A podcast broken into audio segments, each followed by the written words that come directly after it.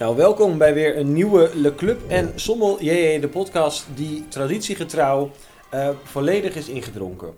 Ja, ja, dat is ook wel weer eens lekker, hè? Dat we weer eventjes... Ja, we hadden wat, eh wat te veel ingeschonken. Ik heb 30 flesjes te veel Even de gevuld. verkeerde telling. Want wat dacht je ook alweer? Dat er vijf rijen waren, maar er waren maar vier of zo? Nou ja, nee, 30 het, het, flesjes. het, ging niet, het ging niet goed, maar ik heb jou heel vaak weer zo'n flesje in jouw glas zien gooien. Ja, ik dacht, ja, ze moeten op. We moeten door. Maar ja, om het allemaal even in perspectief te schetsen. Wij zitten nu zeg maar eh, na onze eh, gezonde, ja, hoe moet je dat zeggen? Fastfood Ja, snack. nou, we kunnen ze best noemen. Jack Bean, Rotterdam. We hebben Jack Bean gegeten. Shout-out. Shout, dat is ontzettend. En nu zitten we. Het is wel en- lekker. En hebben we net een glas met een bruistablet met Ja. vitamine. We dachten, doen we nu even wat eh vitamintjes. En om dat bruistablet te compenseren, hebben we ook een reep chocola opgegeten. Nou, Zo zitten we zeg maar in de wedstrijd. zo zitten we in de wedstrijd. Het was vandaag een bewogen dag, want alle slobberpostjes zijn afgevuld. Ja. Eh, die komen dus deze week eh, hopelijk bij iedereen binnen. En normaal gesproken behandelen we dan ook de hele proefnotitie in de podcast. Alleen, we hebben er dus ook bewust voor gekozen om het even een weekje later te doen. Want Sinterklaas, iedereen in paniek. De Sint was hartstikke druk over die daak aan het hobbelen. Ja, Ehm, en al die pakketjes waren vertraagd. Dus we dachten, we wachten even tot de Sint weer alles op orde heeft. ja. Dus we, en nu zijn ze verzonden, eh, maar misschien dat je nog eh, dat, je, hem- dat je hem niet op woensdag krijgt, of weet ik het. Dus we zetten een linkje naar de, naar de, ehm, naar de proefnotitie. Nou, de proefnotitie hebben we filmpjes van gemaakt. Ja, die zetten we in de show notes. Dus stel, je luistert nu en je wil dat weten, dan kan je daar naartoe. Eh, en anders dan behandelen we ook de, de, de hele proefnotitie volgende week in de podcast. Dus het komt sowieso goed. Zeg, hoe was jouw slobberweek? Nou, ik heb dus... ehm, en dat is helemaal geheel in thema vandaag. Want ik zal meteen ook even het thema introduceren. Oh ja, Want voordat onze intro van 10 minuten lang alleen maar gaat over hoe het allemaal met ons gaat en alles wat we doen en Ja. leuk en gezellig. En dat iedereen denkt van waar gaat Maar die dat is podcast nou over? maar toch hoor je dat in veel podcasts hoor. Ja, dat niemand weet wat het over gaat. Ja, en dat, nou, maar dat bij Aaf en Mark Marie, waar we natuurlijk hartstikke fan van zijn, ja, die, die praten ook heel lang. En dan ineens gaat het over het ja en ze hoofdonderwerp. wouden het helemaal niet over de kaars hebben. Dus ik zit daar helemaal, dat was echt fantastisch. Maar ehm, we gaan het dus hebben over, eh, zoals we de eerste keer al zeiden, Make Sherry Great Again. Ja. Nou, we hebben part 1 inmiddels al gemaakt. Nou, en we hebben al een keer een algemene ding over Sherry gemaakt. Dat was een van ons, onze allereerste podcasts met ontzettend slecht geluid. Ja, wel een slecht microfoontje. alleen dat valt tegenwoordig ook wel mee. Ik bedoel, er zijn ook heel veel podcasts bij BNR. Dan doen ze ook gewoon lekker een beetje inbellen. Nou, dat is lekker geluid. Nee, inbellen is ook echt vreselijk. dat is ook vreselijk. Ehm, dus je komt er best doorheen. Ehm, maar nu gaat het dus over onversterkt genot. Ja. En dat hebben we toen in die podcast ook al aangestipt. We gaan het hebben over hoe sherry eigenlijk echt wordt gemaakt. En hoe we sherry echt weer great kunnen maken. Want Ja. dat blijft natuurlijk de grote vraag.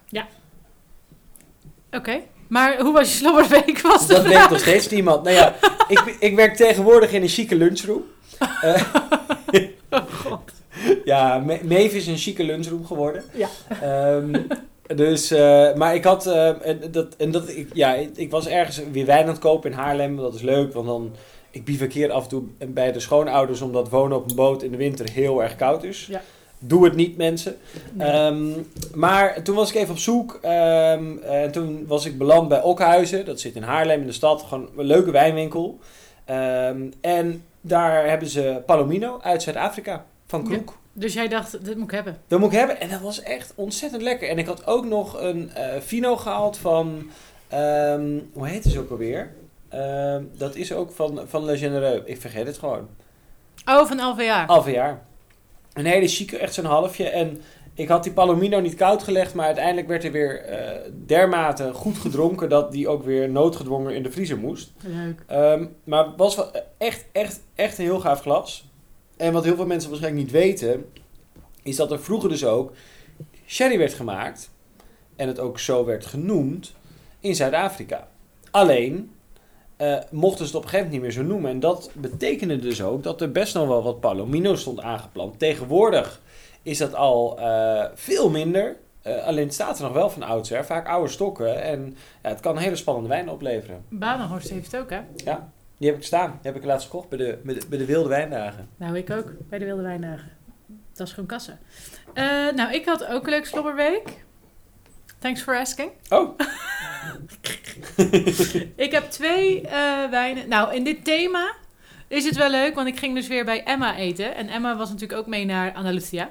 Die eh, heeft nog nooit, had nog nooit destijds van de leven sherry gedronken, maar heeft zichzelf daar in een soort vinobad ge, gestopt. Dus daar ging ik eten en toen dacht ik, oh, dan neem ik weer even La Gita mee. oh ja, lekker. En La Gita is natuurlijk gewoon 5 eurotjes bij de gal. Dat is- is echt ik heb geweldig. laatst ook zo'n half flesje met mezelf gewoon Ja, opgedronken. en je- mensen vonden dat raar. Ik vond het heerlijk. Ja, nee, maar het is gewoon... Ik, ik vind het de beste wijntip gewoon van je leven. Want ja, 5 euro. En die was ook in, bij de Wilde Wijndagen nog tweede Ja, de tweede was echt 3 euro. Nou, dus dat het was is echt... geweldig. Maar goed, eh, dus die. En ik heb dus ook... Want ik moest weer lesgeven. En ik had eh, nog een akkefietje met PostNL. Dus toen was Wie er niet? weer... Ja, dus toen moest ik weer een extra fles openmaken. Maar die extra fles, dat was Assyrtiko Oh. van Gaia weer. Oeh. Wild Ferment. Waar ik natuurlijk al mijn leven lang fan van ben ongeveer. Maar dit was dan 2020. Dus very young. Ja, die is lekker. Ik heb die gisteren toevallig nog verkocht. Oh ja, nee, het, is het was weer genieten. Maar het is natuurlijk nog wel echt jong. Dus je had wel een beetje zo'n rotjes eh, nog. eh, en, en dat hout. Of, ja, het, er lag nog wel wat van dat secundair en tertiair ehm, bovenop. Maar eh, ja, al wel heel leuk. Dus dat vond ik weer geweldig. Oké, nou dan ehm, hebben we natuurlijk ook al de, de eerste eh, boxen, de Spanje-boxen verkocht. Ja, nou ja, zeker. Ik zie er hier nog eentje staan. Ja. Wie, wie maakt ons los? Wie maakt ons los? Nee, we gaan natuurlijk wel meer inkopen, maar ehm, dat ging heel snel. Ja, dat ging heel snel en we zijn voornemens, we hebben de flessen al binnen, om ook de Ja. Italië superklapperbox te doen. Ze staan hier achter ons. Ehm, Want er was alweer vraag naar. ja, maar misschien leuk. moeten we dat ook gewoon wel doen, Ja. Maar dan zonder de quiz. Ja, je, Dat is namelijk dat is leuk, heel... leuk om dat te bediscussiëren in de podcast. Nee, we gaan het er nog even over hebben, maar die Italië-box die komt er en hopelijk kan je die ook nog cadeau geven voor de kerst. We zijn er in ieder geval druk mee bezig. Ja, Eh, maar in de tussentijd kan je wel gewoon die Spanje-box kopen, want die is kant en klaar. helemaal kant en klaar. Dan, ehm, iedereen ontzettend bedankt ook voor het insturen van alle eh wijnspijstips eh, en wijnen en dingen voor de Wijnspijspodcast. Ja, Eh daar gaan we dus ook mee bezig. En, nou, we hebben heel veel gekregen. hè? ja, inmiddels, ja, ik dacht eerst we hebben niet zoveel, maar ik heb nu denk ik inmiddels al bijna zo'n 70 tot 80 gerechten. Ja, dus het, dan duurt die podcast vijf uur. Dus dat wordt ook weer een tweeluik. Maar we gaan ook daarin focussen, omdat ik erachter ben gekomen dat dat best wel fascinerende vraag naar was. Ja, Eh, is vega en vegan. Vegan Maar vind ik wel heel moeilijk. er waren ook heel veel mensen die kokkiers gingen maken. Ik Oh. heb heel veel kokkiers voorbij zien Nou. Ik denk wel acht keer.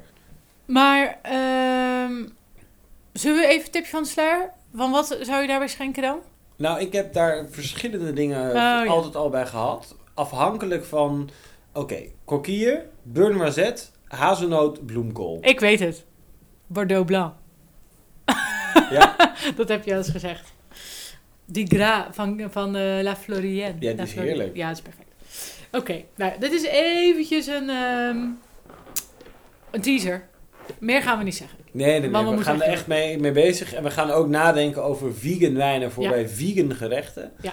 Eh, maar het wordt heel leuk. En ik, ja, ik denk echt wel dat... We, we gaan met z'n allen natuurlijk ook minder vlees eten. Dus Ja. dat wordt nou, wel... en ik eh, vind ook wel, ik probeer ook als in de, in de eh, cursus, dan proeven we natuurlijk heel veel wijnen. En dan wordt er vaak gevraagd, oh, bij wat zou je dit dan schenken? En dan is natuurlijk nog wel vaak mijn eerste reactie is dan ehm, eh, wel vlees- of visgerecht. Maar, maar ik train mezelf erop om dan toch altijd ook iets van groente of zeg maar een, een vegetarisch gerecht erbij te zeggen. ja. Want dat, ja, je moet de mensen natuurlijk ook dan die opties Ja, geven. we blijven zo hangen in hoe het altijd vroeger was. Net zoals Ja. kaas en port en allemaal van dat soort onnozele regels. Die natuurlijk compleet nergens meer op slaan tegenwoordig. Klopt. En als je gewoon dat boek van eh, Otto Lengi er weer dus op naslaat, daar staat zoveel eh vega recepten in. What to pair with Otto. What to pair with Otto. Helemaal leuk. Eh, dan hebben we nog een stukje zelfpromotie. Ja, maar die... Jouwerzijds. Dat, ik denk dat het leuk is als we daarmee afsluiten. Oh, dan, dan, nou, doen we stay even, tuned, mensen. dan doen we even het boekenhoekje herintroduceren. Ah, het boekhoekje leuk. Ehm, maar ik had nog eh, één ding wat ik wou zeggen. En dat Oh. ben ik alweer in de tussentijd vergeten. ja, het is ook jammer dat je het dan niet hebt opgeschreven. Nee, dat is, dat is natuurlijk onze, onze chaos. Ja. Ehm, maar Hmm. eh, wat was het? Nee, ik weet het niet meer. Ja, dat heb je soms. Ja, dat heb je. Misschien komt het zo nog. Het komt zo. Dan eh, gaan we naar de tune.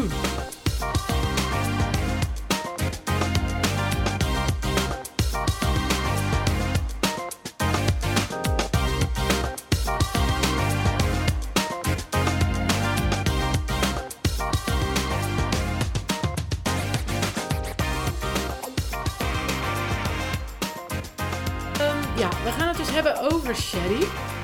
Ehm, en daar hebben we natuurlijk al wel uitgebreid over gehad. Eh, want we hebben dus op het begin inderdaad een podcast opgenomen over van hoe wordt het nou gemaakt. Dus als je, die wil, eh, als je dat wil weten, moet je die luisteren. Want daar gaan we het nu helemaal niet over hebben. Ehm, en we hebben vorige keer een podcast opgenomen, eh, part 1, over onze reis. Waar, dat was gewoon een beetje van alles wat. En nu gaan we het hebben over eigenlijk wat er allemaal gebeurt in El Marco de Jerez.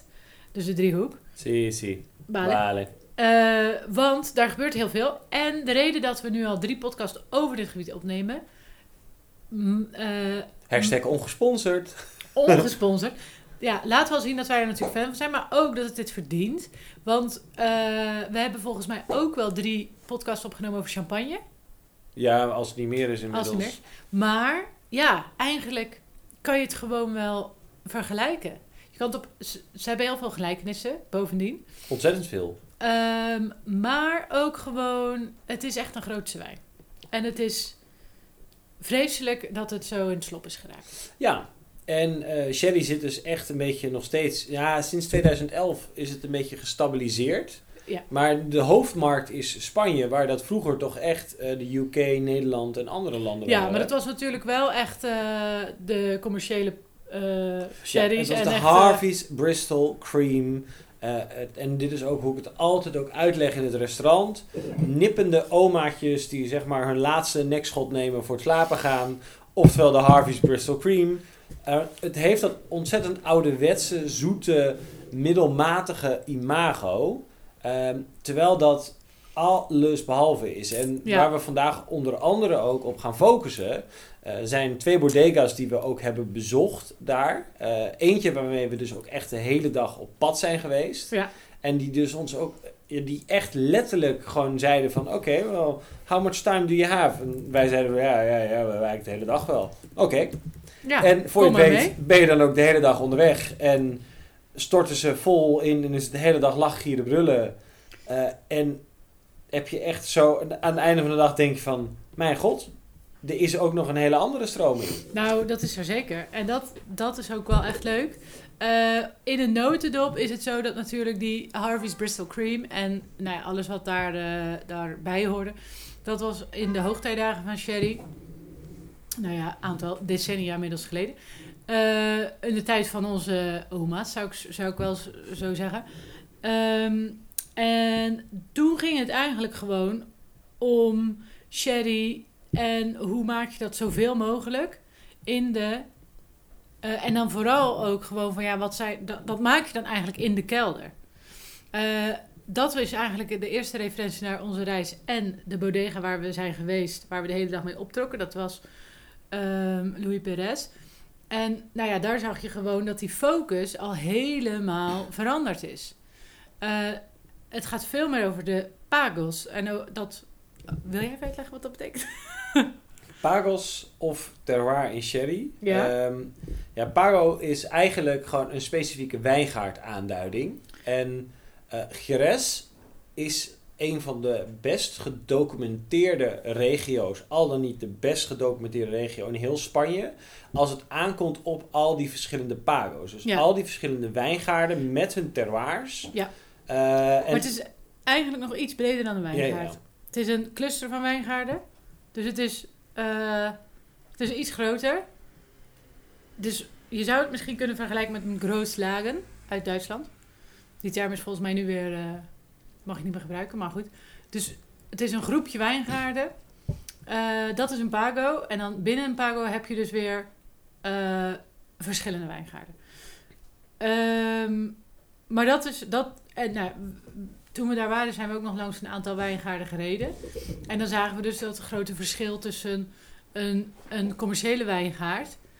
waar die scharminkele eh, stokjes staan... Ja, wij, we- dat- dat, was op zich ook wel heel erg leuk, want we, eh, we reden eigenlijk naar die eh, beste wijngaard, of die beste pago, als het ware. En we liepen natuurlijk een beetje te grappen en te grollen. En toen ging het ook over Willy Perez, de, de hoofdwijnmaker en zoon van. En zagen we dus eh, die wijngaarden. En ehm, van de grotere spelers in de regio eh, zag je dus ook echt dat die gaan nog steeds voor massa is kassa. Dus Ja, heel veel volume. Nou, en die, die, die stokjes, die, dat was echt gewoon een mager stokje. Het zag er niet uit. Eh, en nou ja, er gebeurt, daar besteedt ze dus totaal geen waarde aan terroir. Omdat er, omdat er geen aandacht wordt besteed aan die wijnstokken. Want dat zijn gewoon jonge, productieve stokken... die waarschijnlijk heel vaak weer worden vervangen... eh, en, en maximaal opbrengen. Want En- dat is ook iets wat we daar zagen, is dat je heel veel eh, wijngaarden zag die gewoon gerooid waren. Ja, dat is weer de andere kant. Omdat ze en de stokken soms nou ja, bijna tot waanzin drijven. Ja, Eh, maar hoe hoger jij de volumes van een stok laat zijn, van een wijnstok, op dat hele eh, calciumrijke terroir, ja, dan kan je gewoon na een aantal jaar, dan houdt de boel ermee op. ja. Eh, maar dan is die bodem ook zo leeggetrokken qua alles, dat die bodem ook weer een paar jaar nodig heeft om te herstellen. ja. Dus je zag daar echt, zeg maar, de ene keer zag je een wijngaard, de andere keer zag je een dorre witte vlakte. Ja, wel mooi met die Albaritza. Ja, het is prachtig. Dat is prachtig. Maar sowieso, want we waren dus ook bij Ximena Spinola. En die zei ook van ja, onze stokken worden sowieso ook niet echt ouder dan 35 jaar. Omdat dat gewoon zo'n zure bodem is. eh, dat, die, ja, dat het dan gewoon klaar is. Ehm, maar nog even naar die pagos. eh, want daar is nog wel iets leuks over te vertellen. Vroeger, kijk, nu doen, maken we de sherry in de, in de wijnkelder. En is dus eigenlijk het veel eh, inmiddels geïndoctrineerd. En ook wat natuurlijk in de boeken allemaal staat, in de studieboeken van... We hebben Oloroso, we hebben Amontillado, we hebben Fino, we hebben van alles. Maar vroeger ehm, ging het veel meer over wat gebeurt er in de, in de wijngaard. Ja.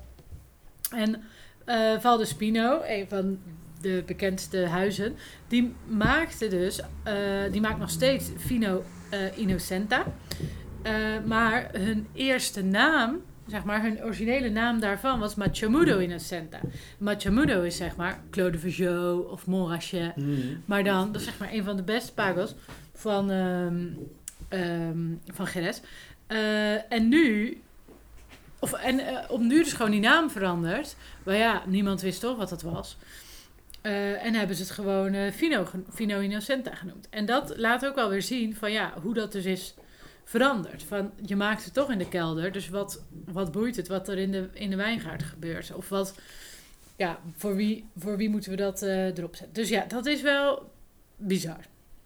Nou, ik kan er nog wel even inhaken door nog even, zeg maar, weer wat verder te gaan terug in de tijd. En nog even die hele geschiedenis, eh, zeg maar, Ja. het cirkeltje rond te maken. Want dit was in 1894. 1894, ja. En je had, eh, als we dus teruggaan in de tijd, eh, begin en half 19e eeuw, Mhm. toen Sherry op zijn piek zat, hadden we de versterkte Fino's, Manzanilla's, Amontillado, Oloroso's, Pedro Jiménez.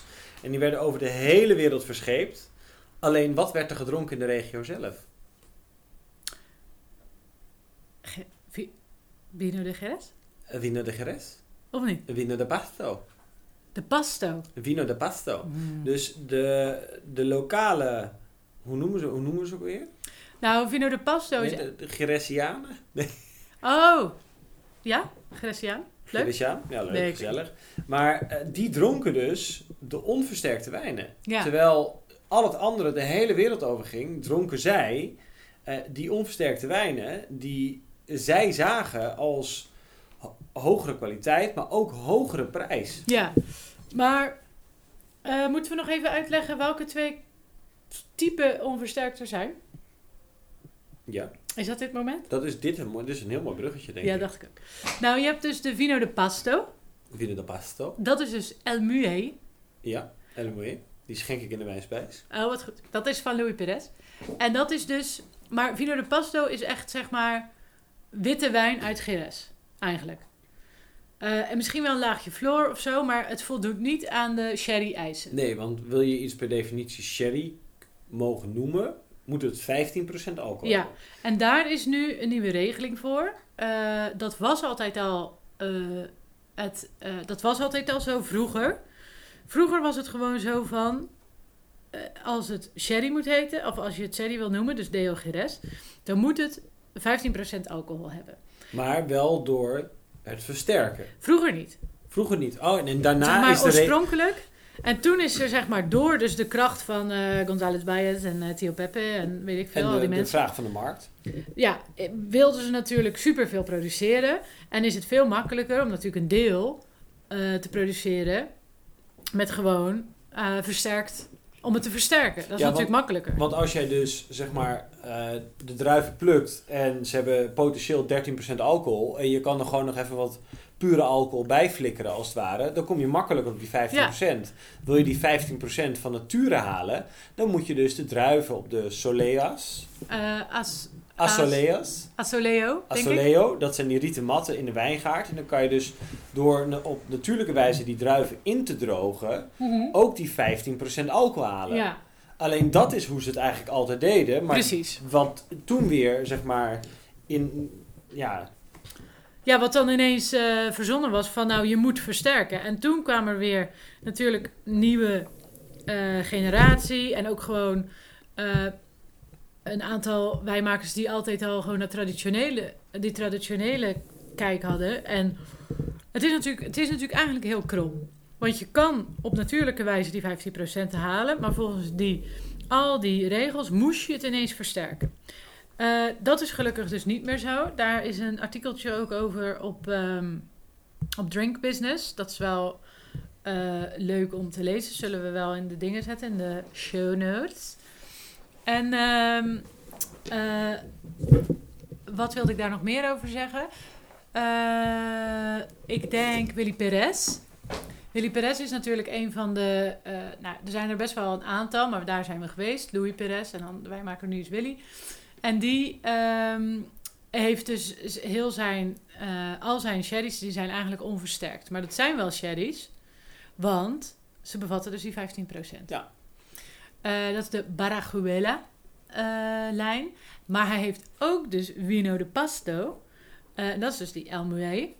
Eh, maar dat is eigenlijk, je zou dat ook een beetje kunnen zien als Sherry Light. ja, want het heeft, Instappers. volgens mij heeft El ehm, heeft, eh, is dus gemaakt van 80% Palomino, 20% Pedro Jiménez. Ja, dat verschilt per jaar. En, en de PX in dit geval van de 220 is eh, ingedroogd voor een bepaald gedeelte. Geeft wat rijkdom, tropisch fruit. Maar je hebt ook een beetje toch dat amandelbittertje, gistachtige karakter voor een heel klein beetje schilcontact. Of sorry, schilcontact, eh Floor, denk ik. vlokcontact.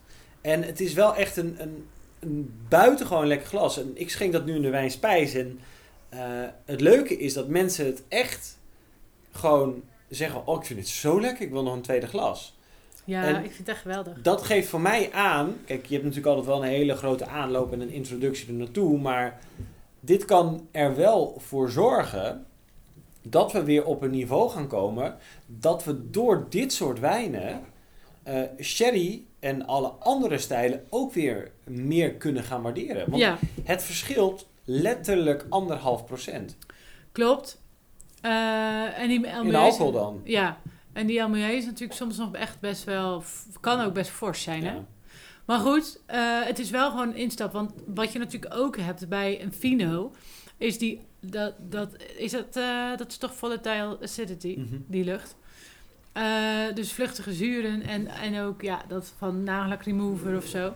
Als je zo'n geur, en daar moeten mensen best wel aan wennen. Ik weet nog heel goed toen ik voor het eerst sherry dronk, dat ik echt dacht, gadver.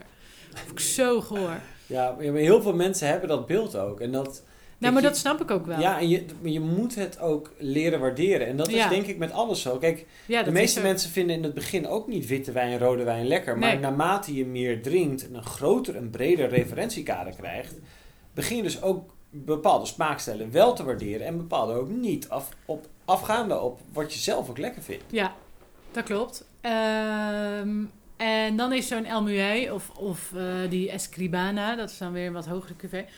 Ehm, maar dat is dan wel een leuke instapper. Ja. Oké, Ehm, dan hebben we ook nog, eh, toen wij daar waren, ehm, is ons natuurlijk, heeft Fran, eh, de gozer die ons rondleed, eh, gezien rondleed? hoe ja, de rondleiding gaf of de tour of weet ik veel. Ja? Rondreed. rondreed, ja. Die, die heeft ons ook zeg maar naar de plek gebracht Ja. die ontzettend veel leek op hoe we Oh port ja. kennen. Ja. Nou, en En bij, dat was ook heel interessant. Dat was eh, ook El. Corregidor. El Corregidor. El Corregidor. Zoiets. Maar dat is ook weer een wijngaardnaam of zo. En dat is een, eh, een cellar. Eh, dat hebben zij gekocht. En dat is... Ja, ik denk dat heel veel mensen het kennen. Want volgens mij staat het dus in, de, in een WZ-boek. Dat plaatje gewoon. Ja. Van, van, die, van dat huis. En dan met zo'n ezeltje ervoor. Ja? Dat is echt zo'n typisch eh, ding. Nou, en dan wat je ook ziet is dan, zeg maar, in, in de eind van de zomer, dan liggen daar, zijn dus twee soort van eh, pleintjes, waar dus die asoleo, waar dus die druiven kunnen gaan rijpen eh, in de zon. En dan, en in de, in de kelder hadden we lagares. En lagares kennen we uit Portugal. Ja. Dat zijn die grote betonnen kuipen waar mensen dus lekker zelf staan te stamperen Op de beat. op de beat. En daar werkt dus, zeg maar, daar wordt letterlijk eigenlijk alles op de ambachtelijke, authentieke manier zoals dat vroeger ging. En ook met port. eh, zo hebben ze die extractie en dat schilcontact en dat sap. Ja, En dat was toch wel heel fascinerend om te zien, omdat wij dat natuurlijk associëren met port. Nou heeft port ook, eh, in dit geval Sandeman, Sandeman, Ja. eh, heeft dus ook nog een invloed gehad eh, tot eind jaren negentig hier in de regio. Maar op een gegeven moment hebben ze alles maar verkocht eh, om er maar vanaf te zijn. Maar ook dit heeft allemaal meegespeeld. En dat is ook weer een link die... Kijk, Portugal, Andalusië en Portugal, dat ligt natuurlijk niet zo ver van elkaar af. Dus het is echt best wel logisch dat er een link is. Ehm, Ja, en die Sandeman die had dit volgens mij in 1790 of zo eh, gekocht. En toen ging het dus zo. ja. En toen ging dus ook, toen werd ook dus de, want in 1894, wat ik net zei over die Valdespino met die wijngaardnaam erop, dat was dan weer op, dat, op die manier zo. Nou, en dit is misschien weer een leuk bruggetje naar wat Willy ons vertelde. Eh, want hij is dus eh, naar Australië gegaan. Ja. Omdat hij eh, wijn wilde leren maken. Of in ieder geval... Rode wijn in Ja, warme in klimaten. een warm klimaat. En hij dacht, nou, dan ga ik daar eens even koekloeren. Kijken hoe dat allemaal gaat, ruilt en zeilt daar. Nou, en hij kreeg daar allemaal vragen van, eh, van mensen van... Ja, maar hoe maak je precies sherry? En, waar, en ja, gewoon dat wilde hij weten. En waarom versterk je eigenlijk als je eh, dat gewoon op een natuurlijke manier kan behalen? En bla, bla, bla. En daar had hij destijds geen fatsoenlijk antwoord op. Nee, hij dacht, ja, geen idee. En toen is hij gaan nadenken. En toen ging hij allemaal boeken lezen. En toen kwam hij er dus achter van... Nou, dit is helemaal gestoord hoe wij dit nu doen. Ja, want hij stuitte daar dus op het boek geschreven door James Busby, eh, de godfather van de Australische wijn, waarin een, vers- eh, een verslag stond waarin dus deze Busby naar Andalusië was geweest om juist daar te leren hoe die wijnmaakprocessen gingen. Ja, Dus die Australische eh Busby. kangaroo, die is dus naar Andalusië gegaan om daar zeg maar ook een beetje de kneepjes van het vak te leren. En ook, nou, wat natuurlijk wel fascinerend is. Ja, mega. En, dat, en omdat hij dat dus allemaal bij elkaar eh, aan het sprokkelen was, al die info, toen dacht hij van ja, wij doen het heel anders. En hij is echt op zoek gegaan naar hoe het allemaal is begonnen in Ja. Sherry. En natuurlijk ook hoe zeer het veranderd is. En ehm, het is nog steeds best wel moeilijk, want die vino de pasto die zij maken, ehm, die, die, is, die is niet geclassificeerd. Nu noemen wij dat wel vino de Er pasto. staat Het staat- Cadiz op het etiket. Ja, Andalusia. Cadiz, omdat het ma- niet mag in Jerez. Nee. En dat is natuurlijk weer een vraag die je zou kunnen krijgen op wezen diploma, stel ik me zo voor, van ehm, ja, zou je dat dan, zou, wat zouden ze daaraan kunnen doen? Het is natuurlijk best moeilijk als, eh, als dat ineens door GRS wordt geaccepteerd, hè, van oké, we hebben nu Wiener de Passo de GRS. Het zou kunnen.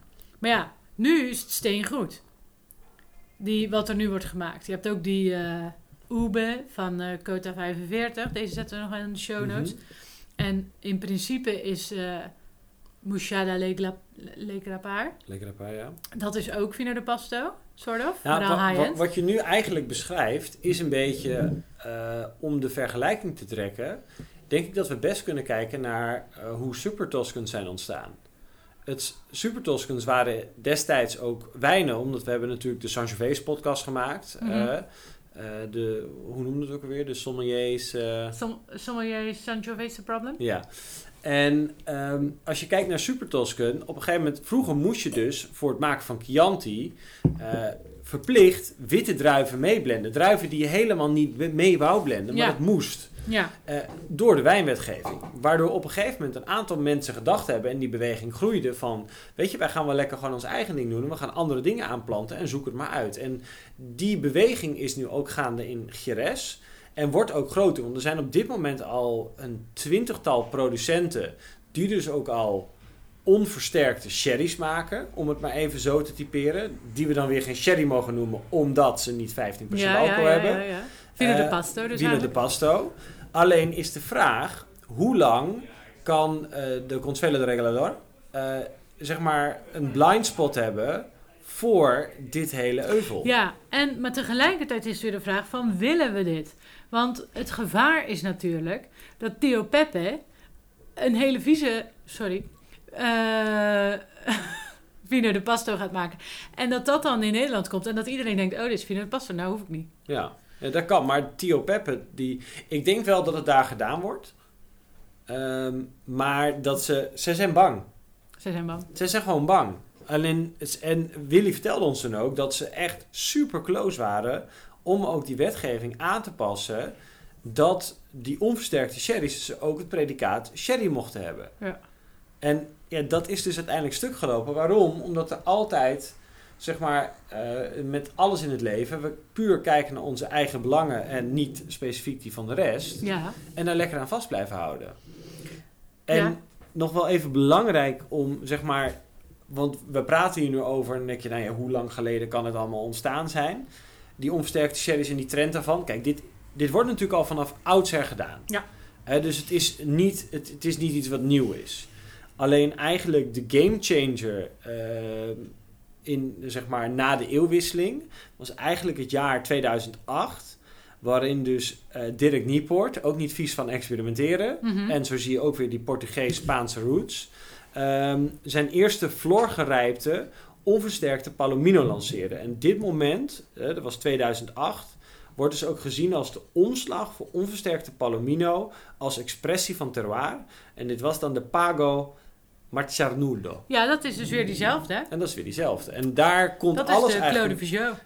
Ja, die, die Claude Vigeux. En daar komt alles dus een beetje mee samen. En vanaf toen is het balletje eh, begonnen met rollen. Ja. Hè, waar we nu dus inmiddels op 20 producenten zitten die dit soort dingen doen. Er wordt zelfs eh pet nat gemaakt. Ook van sherry. Ja, die voorloom. Ook helemaal gek. Ehm, maar dat... Ja, nou, dat, van, eh van Palomino Fino wordt het gemaakt, ja. ja. Ja, dat is heel grappig. Nou, en wij hebben dan... Zullen we even een paar voorbeeldjes opnoemen? Ja. Is dat leuk? ik vind het heel leuk. Ik ook. Nou, ik noemde het net al. Ube. Ube. Ube. Dat is, een, ehm, dat is van Cota 45. En Cota 45 heet zo, want... Dat ligt op 45 meter hoogte. In Talugar. Eh, en die 45 meter hoogte, dat is waar ehm, de eh, Ramiro Ibanez, de eigenaar van dit huis, vindt dat daar de beste Alberica-bodem eh, ligt. Eh, en hij maakt dus ube van een aantal verschillende wijngaarden, pagos. Ehm, maar die hebben dan dus wel een beetje floor. Maar het zijn geen sherry's. Dus het zijn weer een beetje van die ehm, ja, sherry lights. Makkelijk. Maar Ube was iets natuurlijker, toch? Ehm, hebben dat wel Ja, gedronken. het is iets... Het is iets ehm, iets... eh, het is een, denk ik ook wel een wat iets moeilijker dan die El Muet. Ja, ja. Maar dit is geweldig. Ik had het vorig jaar ook met oesters. Ja. Geweldig. Maar dat, dat geldt ook voor, dat heeft even niet helemaal met deze podcast te maken, maar manzanilla en caviar. Oh, Dat God, is- wat luxe. Dat is, ja, ja, dat is, maar dat is, dat is leuk, want dan pak je gewoon, dan doe je dus heel decadent qua eten, maar dan blijf je gewoon heel bescheiden drinken. Oh ja, ja, want die is maar 5 euro. Ja, Nou, dat is wat geen een top- geld. wat Weet je dan? Assoleo heet het. Assoleo, ja. Even opgezocht. Nou, dan wil ik ook nog even eentje noemen. Ja, Eh, de, dat is die van eh, Bodegas Louis Perez. zie? Eh, El Triangulo. Ja, Ja, en dan de... rood is dat. Ja, Ja. de Tintera Rotta. Ja, En Tintera Rotta is een authentiek rood of blauw druivenras voor de regio. Want we zijn natuurlijk heel erg hellbent op wit, wit, wit, wit, wit, alles wit. ja. Maar er mag van oudsher ook rood gemaakt worden. En deze druif is hetzelfde als Graciano. Die we kennen onder andere ook uit de Rioja. Vaak voor zuur. Eh, doet het goed in warme klimaten. Maar ja, ik vind dit echt, echt een, een super sappig, gul, beetje kruidig, beetje aards eh, glas wijn. Heel verteerbaar. En het is ook wel leuk om even te zien dat er ook rood uit de regio Ja. komt. Authentiek Geresiaans rood. Geresiaans. Ja, dat klinkt, dat klinkt gewoon gezellig. Ik heb er nog eentje. Ja. La Barajuela. Paraguela. Dat is dus ook Louis Perez. En dat is wel leuk, want wij hadden het net over El Corregidor. eh, de oude eh, kelder. Ehm, en daar wordt dus La Barajuela gemaakt. La Barajuela is een verwijzing naar Albaritza-bodem. Een variant daarop. Ehm, en deze eh Barajuela heeft dus een alcoholpercentage van 15%. Eh, maar Perez be- besloot om de druiven later te oogsten en om ze nog eh, een aantal, de, nou één dag, anderhalf dag, in de zon te laten liggen. Ja. Dus die Assoleo-methode. Ehm, en wat ik even vergeten was net te zeggen, ehm, El Corregidor is een wijngaard binnen de Carrascal Pago. En dat is dan ook wel weer interessant. Eh Carrascal ligt het verst van de zee, profiteert daarom het minst van koele wind en Ja. maakt deze Pago ideaal voor Oloroso. Oloroso. Ook wel weer leuk. Maar hij maakt alles. Hij maakt ook vino en, en, en dus die Oloroso. Ehm, en wat is nog meer leuk? La Botta. La Bottas. Ja. Die hebben wij natuurlijk ook geproefd. Dat is weer van Equipo Nav Nabanos. Navazos. Ja, is moeilijk. Eh, en zij hebben verschillende. Zij zijn begonnen met La Botta de Floor Power. Ehm, oh ja, de floor power. ook zo'n leuke naam. Word je ook al helemaal gelukkig van. En dat is ook... eh, dat is dan eigenlijk ehm, minder dan 15%. Eh, dit is 12% volgens mij. Alcoholpercentage. Dus het is meer een vino de pasto. Ehm, maar ze rijpen wel onder floor. Ehm, maar worden dus niet eh, eh, eh, ja, verhoogd. Of op welke manier dan ook naar die 15%. Dus deze kan je dan weer zien als een, als een soort van lichte, lichte versie. Als zo'n vino de pasto. En wat dan weer leuk is, is dat zij dat dus elk jaar ongeveer maken. En dan die Equipo Navanos, dat zijn twee mannen. En die zoeken dan elke keer in de regio naar goede vaten. Mhm. Want elke eh, sherry bodega, waaronder volgens mij ook gewoon Tio Pepe of eh, gewoon ook de grote, die hebben natuurlijk nog vaten liggen van vroeger. Ja, die ze niet meer kwijt konden, omdat niemand meer geld wilde geven, uitgeven aan sherry. En die vaten die zijn daar gewoon blijven, blijven liggen. En deze, deze twee mannen die kopen dat dus op. En die gaan er dus eh, een aantal flessen van maken. Van deze zijn er bijvoorbeeld maar 3000 gemaakt. Dus eh, dat is maar een paar vaten. Ja, het ligt eraan hoe groot dat vat is Mhm. natuurlijk. En dat wil je natuurlijk ook hebben. Ja, Alleen er is ook een soort van strijd op dit moment gaande om überhaupt sherryvaten. Hmm. Hè, waar die een paar jaar geleden echt relatief makkelijk eh, en goedkoop verkrijgbaar waren. Mhm. eh, stijgt de vraag naar authentieke sherryvaten die al gebruikt zijn, dus oude vaten, stijgt. Dus die vaten worden ook duurder. En ja, het is ook wel, het is een beetje hetzelfde als die hele discussie met de prijs van de druiven waar we het toen over gehad Oh ja. hebben.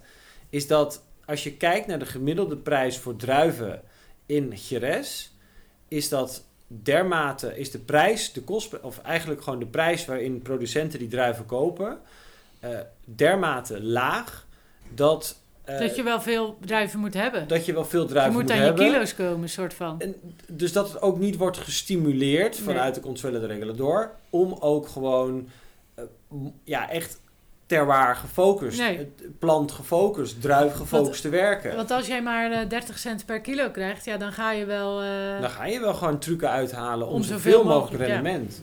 En dat zijn allemaal van die kleine dingen die natuurlijk niet helpen. Dan wil ik nog wel ook even de wijn natuurlijk van Nieport noemen. ja, Eh, de Navazos. die heb ik net genoemd. Ja, maar die hadden we al. Equipo de Navazos. Ja, oké, nou ja. Hoeveel? Navazos? Ja? Oké, nee, dan, dan Hier. is het... Ja, nee, ik ben helemaal goed. Je Ja. zit helemaal goed. En, ehm, maar wij hebben daar nog wel die... eh, Oh ja, nee, maar deze, dit is weer wel weer een andere. Je ziet meteen weer keihard die club. Keihard. Keihard. Nee, maar dit is die... Nou, keihard. Wie is er hier keihard? Want dit is die wijn die ik had meegenomen. En vervolgens dat jullie die hebben opgedronken met z'n tweeën. Ik weet niet waar je het over hebt. En ik had het er nog opgezet. Het was wel, ik vond hem wel echt fijn. Het, Maar- het had een beetje, ehm, hij had echt die rosjes. Volgens mij heb ik dat toen ook nog gestuurd. Ja. Want jij had erop gezet, samen drinken met Nadine. Ja, Niet zonder mij opdrinken. ja. Het is, Want ik was heel benieuwd. ja, nou ik ook. Daarom is hij open gegaan. Want ik had hem van Decantalo. Ja, maar het was echt, ehm, echt een heel goed glas. En deze komt ook weer van die Macharnudo. Mhm. Wel leuk. Dus dit moeten we toch nog een keer terugdrinken. Ja, zeker. Maar dit is eh, ook weer Floor. Het is ook een Vino de Pasto. Ja. Vino de Pasto.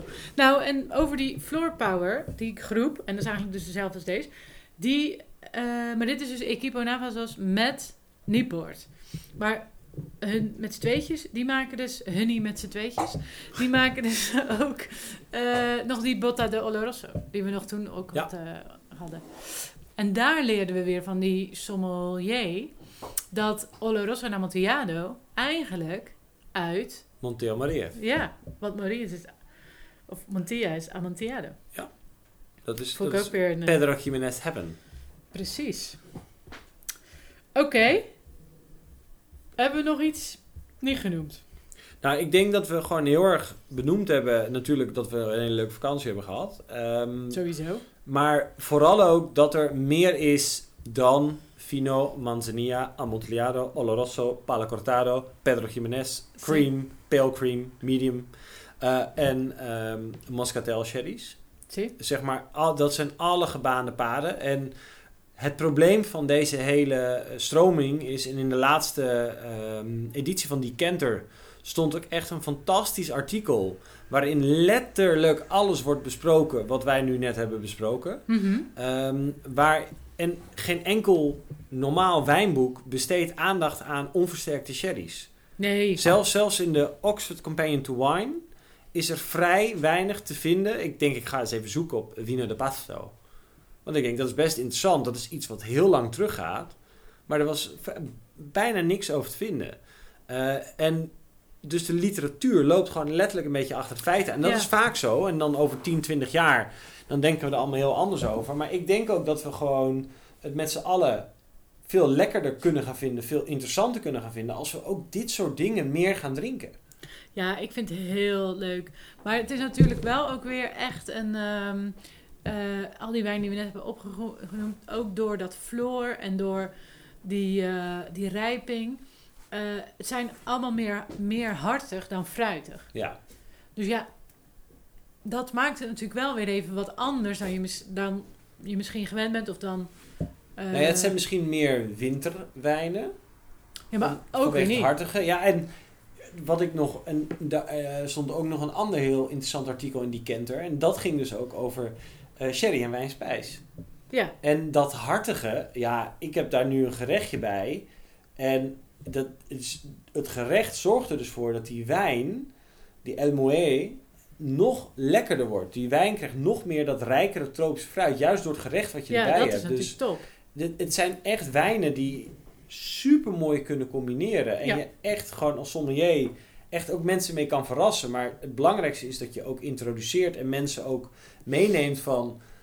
Ik ben niet gek geworden omdat ik sherry schenk. Nee, ik ben 29. Ik vind sherry heel erg lekker. Je hoeft niet een oud wijf te zijn. Hm. Het, dat je, dus, je moet mensen daar echt in meenemen. Ja. En dan, En ik zou het echt doen voor de feestdagen nu.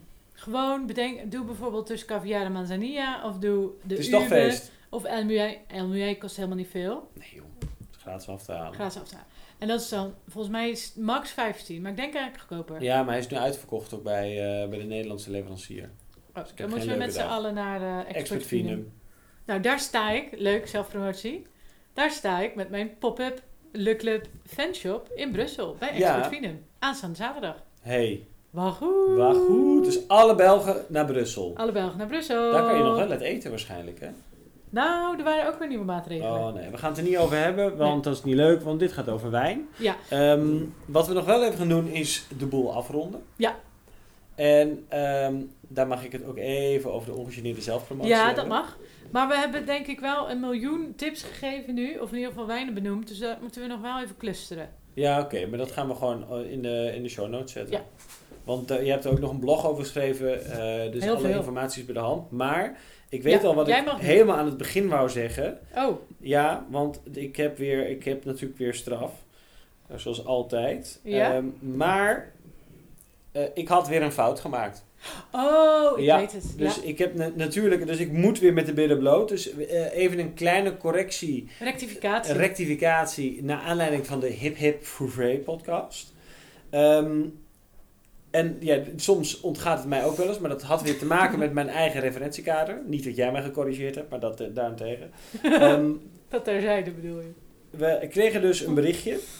Ja. En tot slot, ik wil je, jullie ook nog even complimenteren met je leuke podcast samen met Jan Jaap. Nou, dat is altijd al fantastisch. Bedankt. En omdat ik nu Loire aan het bestuderen was in mijn vinologenboek, heb ik Hyperpiep Fouvray beluisterd. Toen J.J. Savignier aanstipte en dat daar alleen droge wijn vandaan kwam, twiefelde jij eraan. Nou, zie je, er zat toch een twijfel. Ik ga het zelf Ja, ik wist het. De vinologenstof schrijft, Maar ja. altijd weer die vinologen.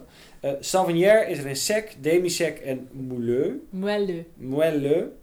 Ehm, maar sec wordt het meest geproduceerd. Totaal had ik goed. Ja. Eh, dus gewoon- tot en met half droog is dat milieu. Ja, Of moelle is is gewoon dat zoet. half zoet. Ja. Eh, komt het voor. Allebei soort van gelijk, dus denk ik. Ja. Kijk, dat vind ik een mooi compromis. Maar ik vond dit wel weer leuk. Ik vind Ja. het leuk dat iedereen ook gewoon... eh, want eh, wij zijn ook maar mensen, wij maken fouten en we proberen... Ja, en je, weet, je kan ook niet alles onthouden. Nou nee, ja, weten. je doet je best. Je doet gewoon je best. eh, we moeten natuurlijk wel elke keer al die feitelijke kennis gewoon bam, bam, bam, Bam, bam, bam, bam, bam. Nee, maar het is ook gewoon leuk als jullie dat aan ons doorgeven. En ook je- met al die wijn-spijstips. Dat Ja. is echt wel, ik bedoel, we hebben nu zoveel stof dat we tot volgend jaar kunnen we Nou, door met die wijn, met die podcast. En zie je al die champagnes. Ja, we gaan, we gaan dus deze week is dus ook het grote proefevenement. Ja. En het is zo uit de hand gelopen. Dus eh, we hadden vandaag nog eh, Bubbels, eh, Bubbels en Bruis. die een hele leuke plop-up store in Amsterdam hebben. Dus Shout-out mocht- weer. Shout-out. Dus mocht jij dus niks te doen hebben. ze hebben een hele leuke plop-up store. Ook letterlijk plop-up store. Bubbels en Bruis, Amsterdam. Helemaal leuk. Kan je op drie etages proeven. Dus dat is sowieso een dikke tip. We hebben nog niet eens die champagnes geproefd. Dan vinden we het alweer leuk. En nu doen we alweer een shout-out. Ja, Wij zijn zo makkelijk weer. Ja, Maar eh, jij hebt nog wat, Ja, wat want leuks. ik wou dit eigenlijk al heel lang.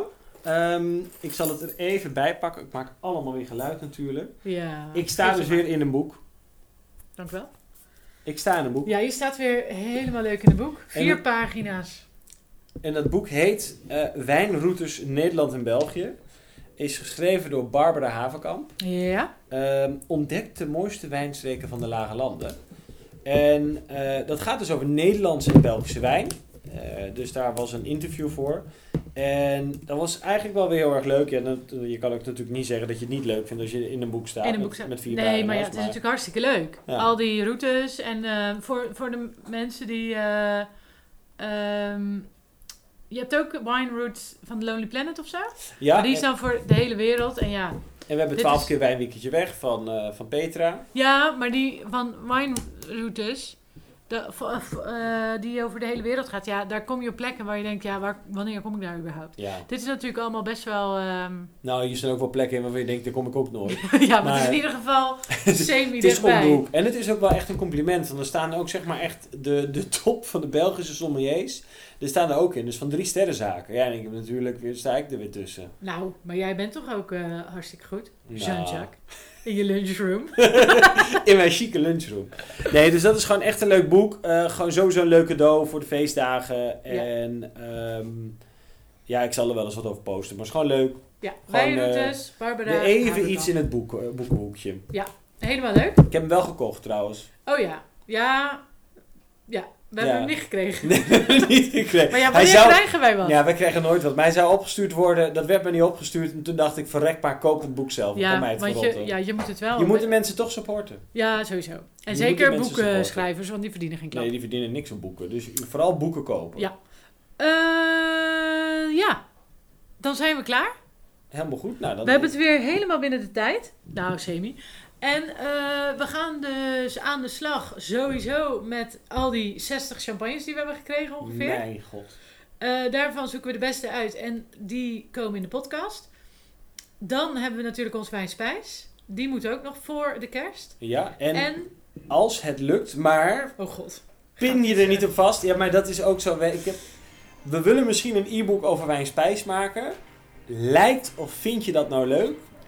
Laat het ons dan even weten. Ja, en we zaten er ook over te denken om dat dan gratis te doen voor de. Ja, en als je dan niet in de slobberpost zit, dan moet, Moet je, gewoon betalen. worden. Dan moet je dokken.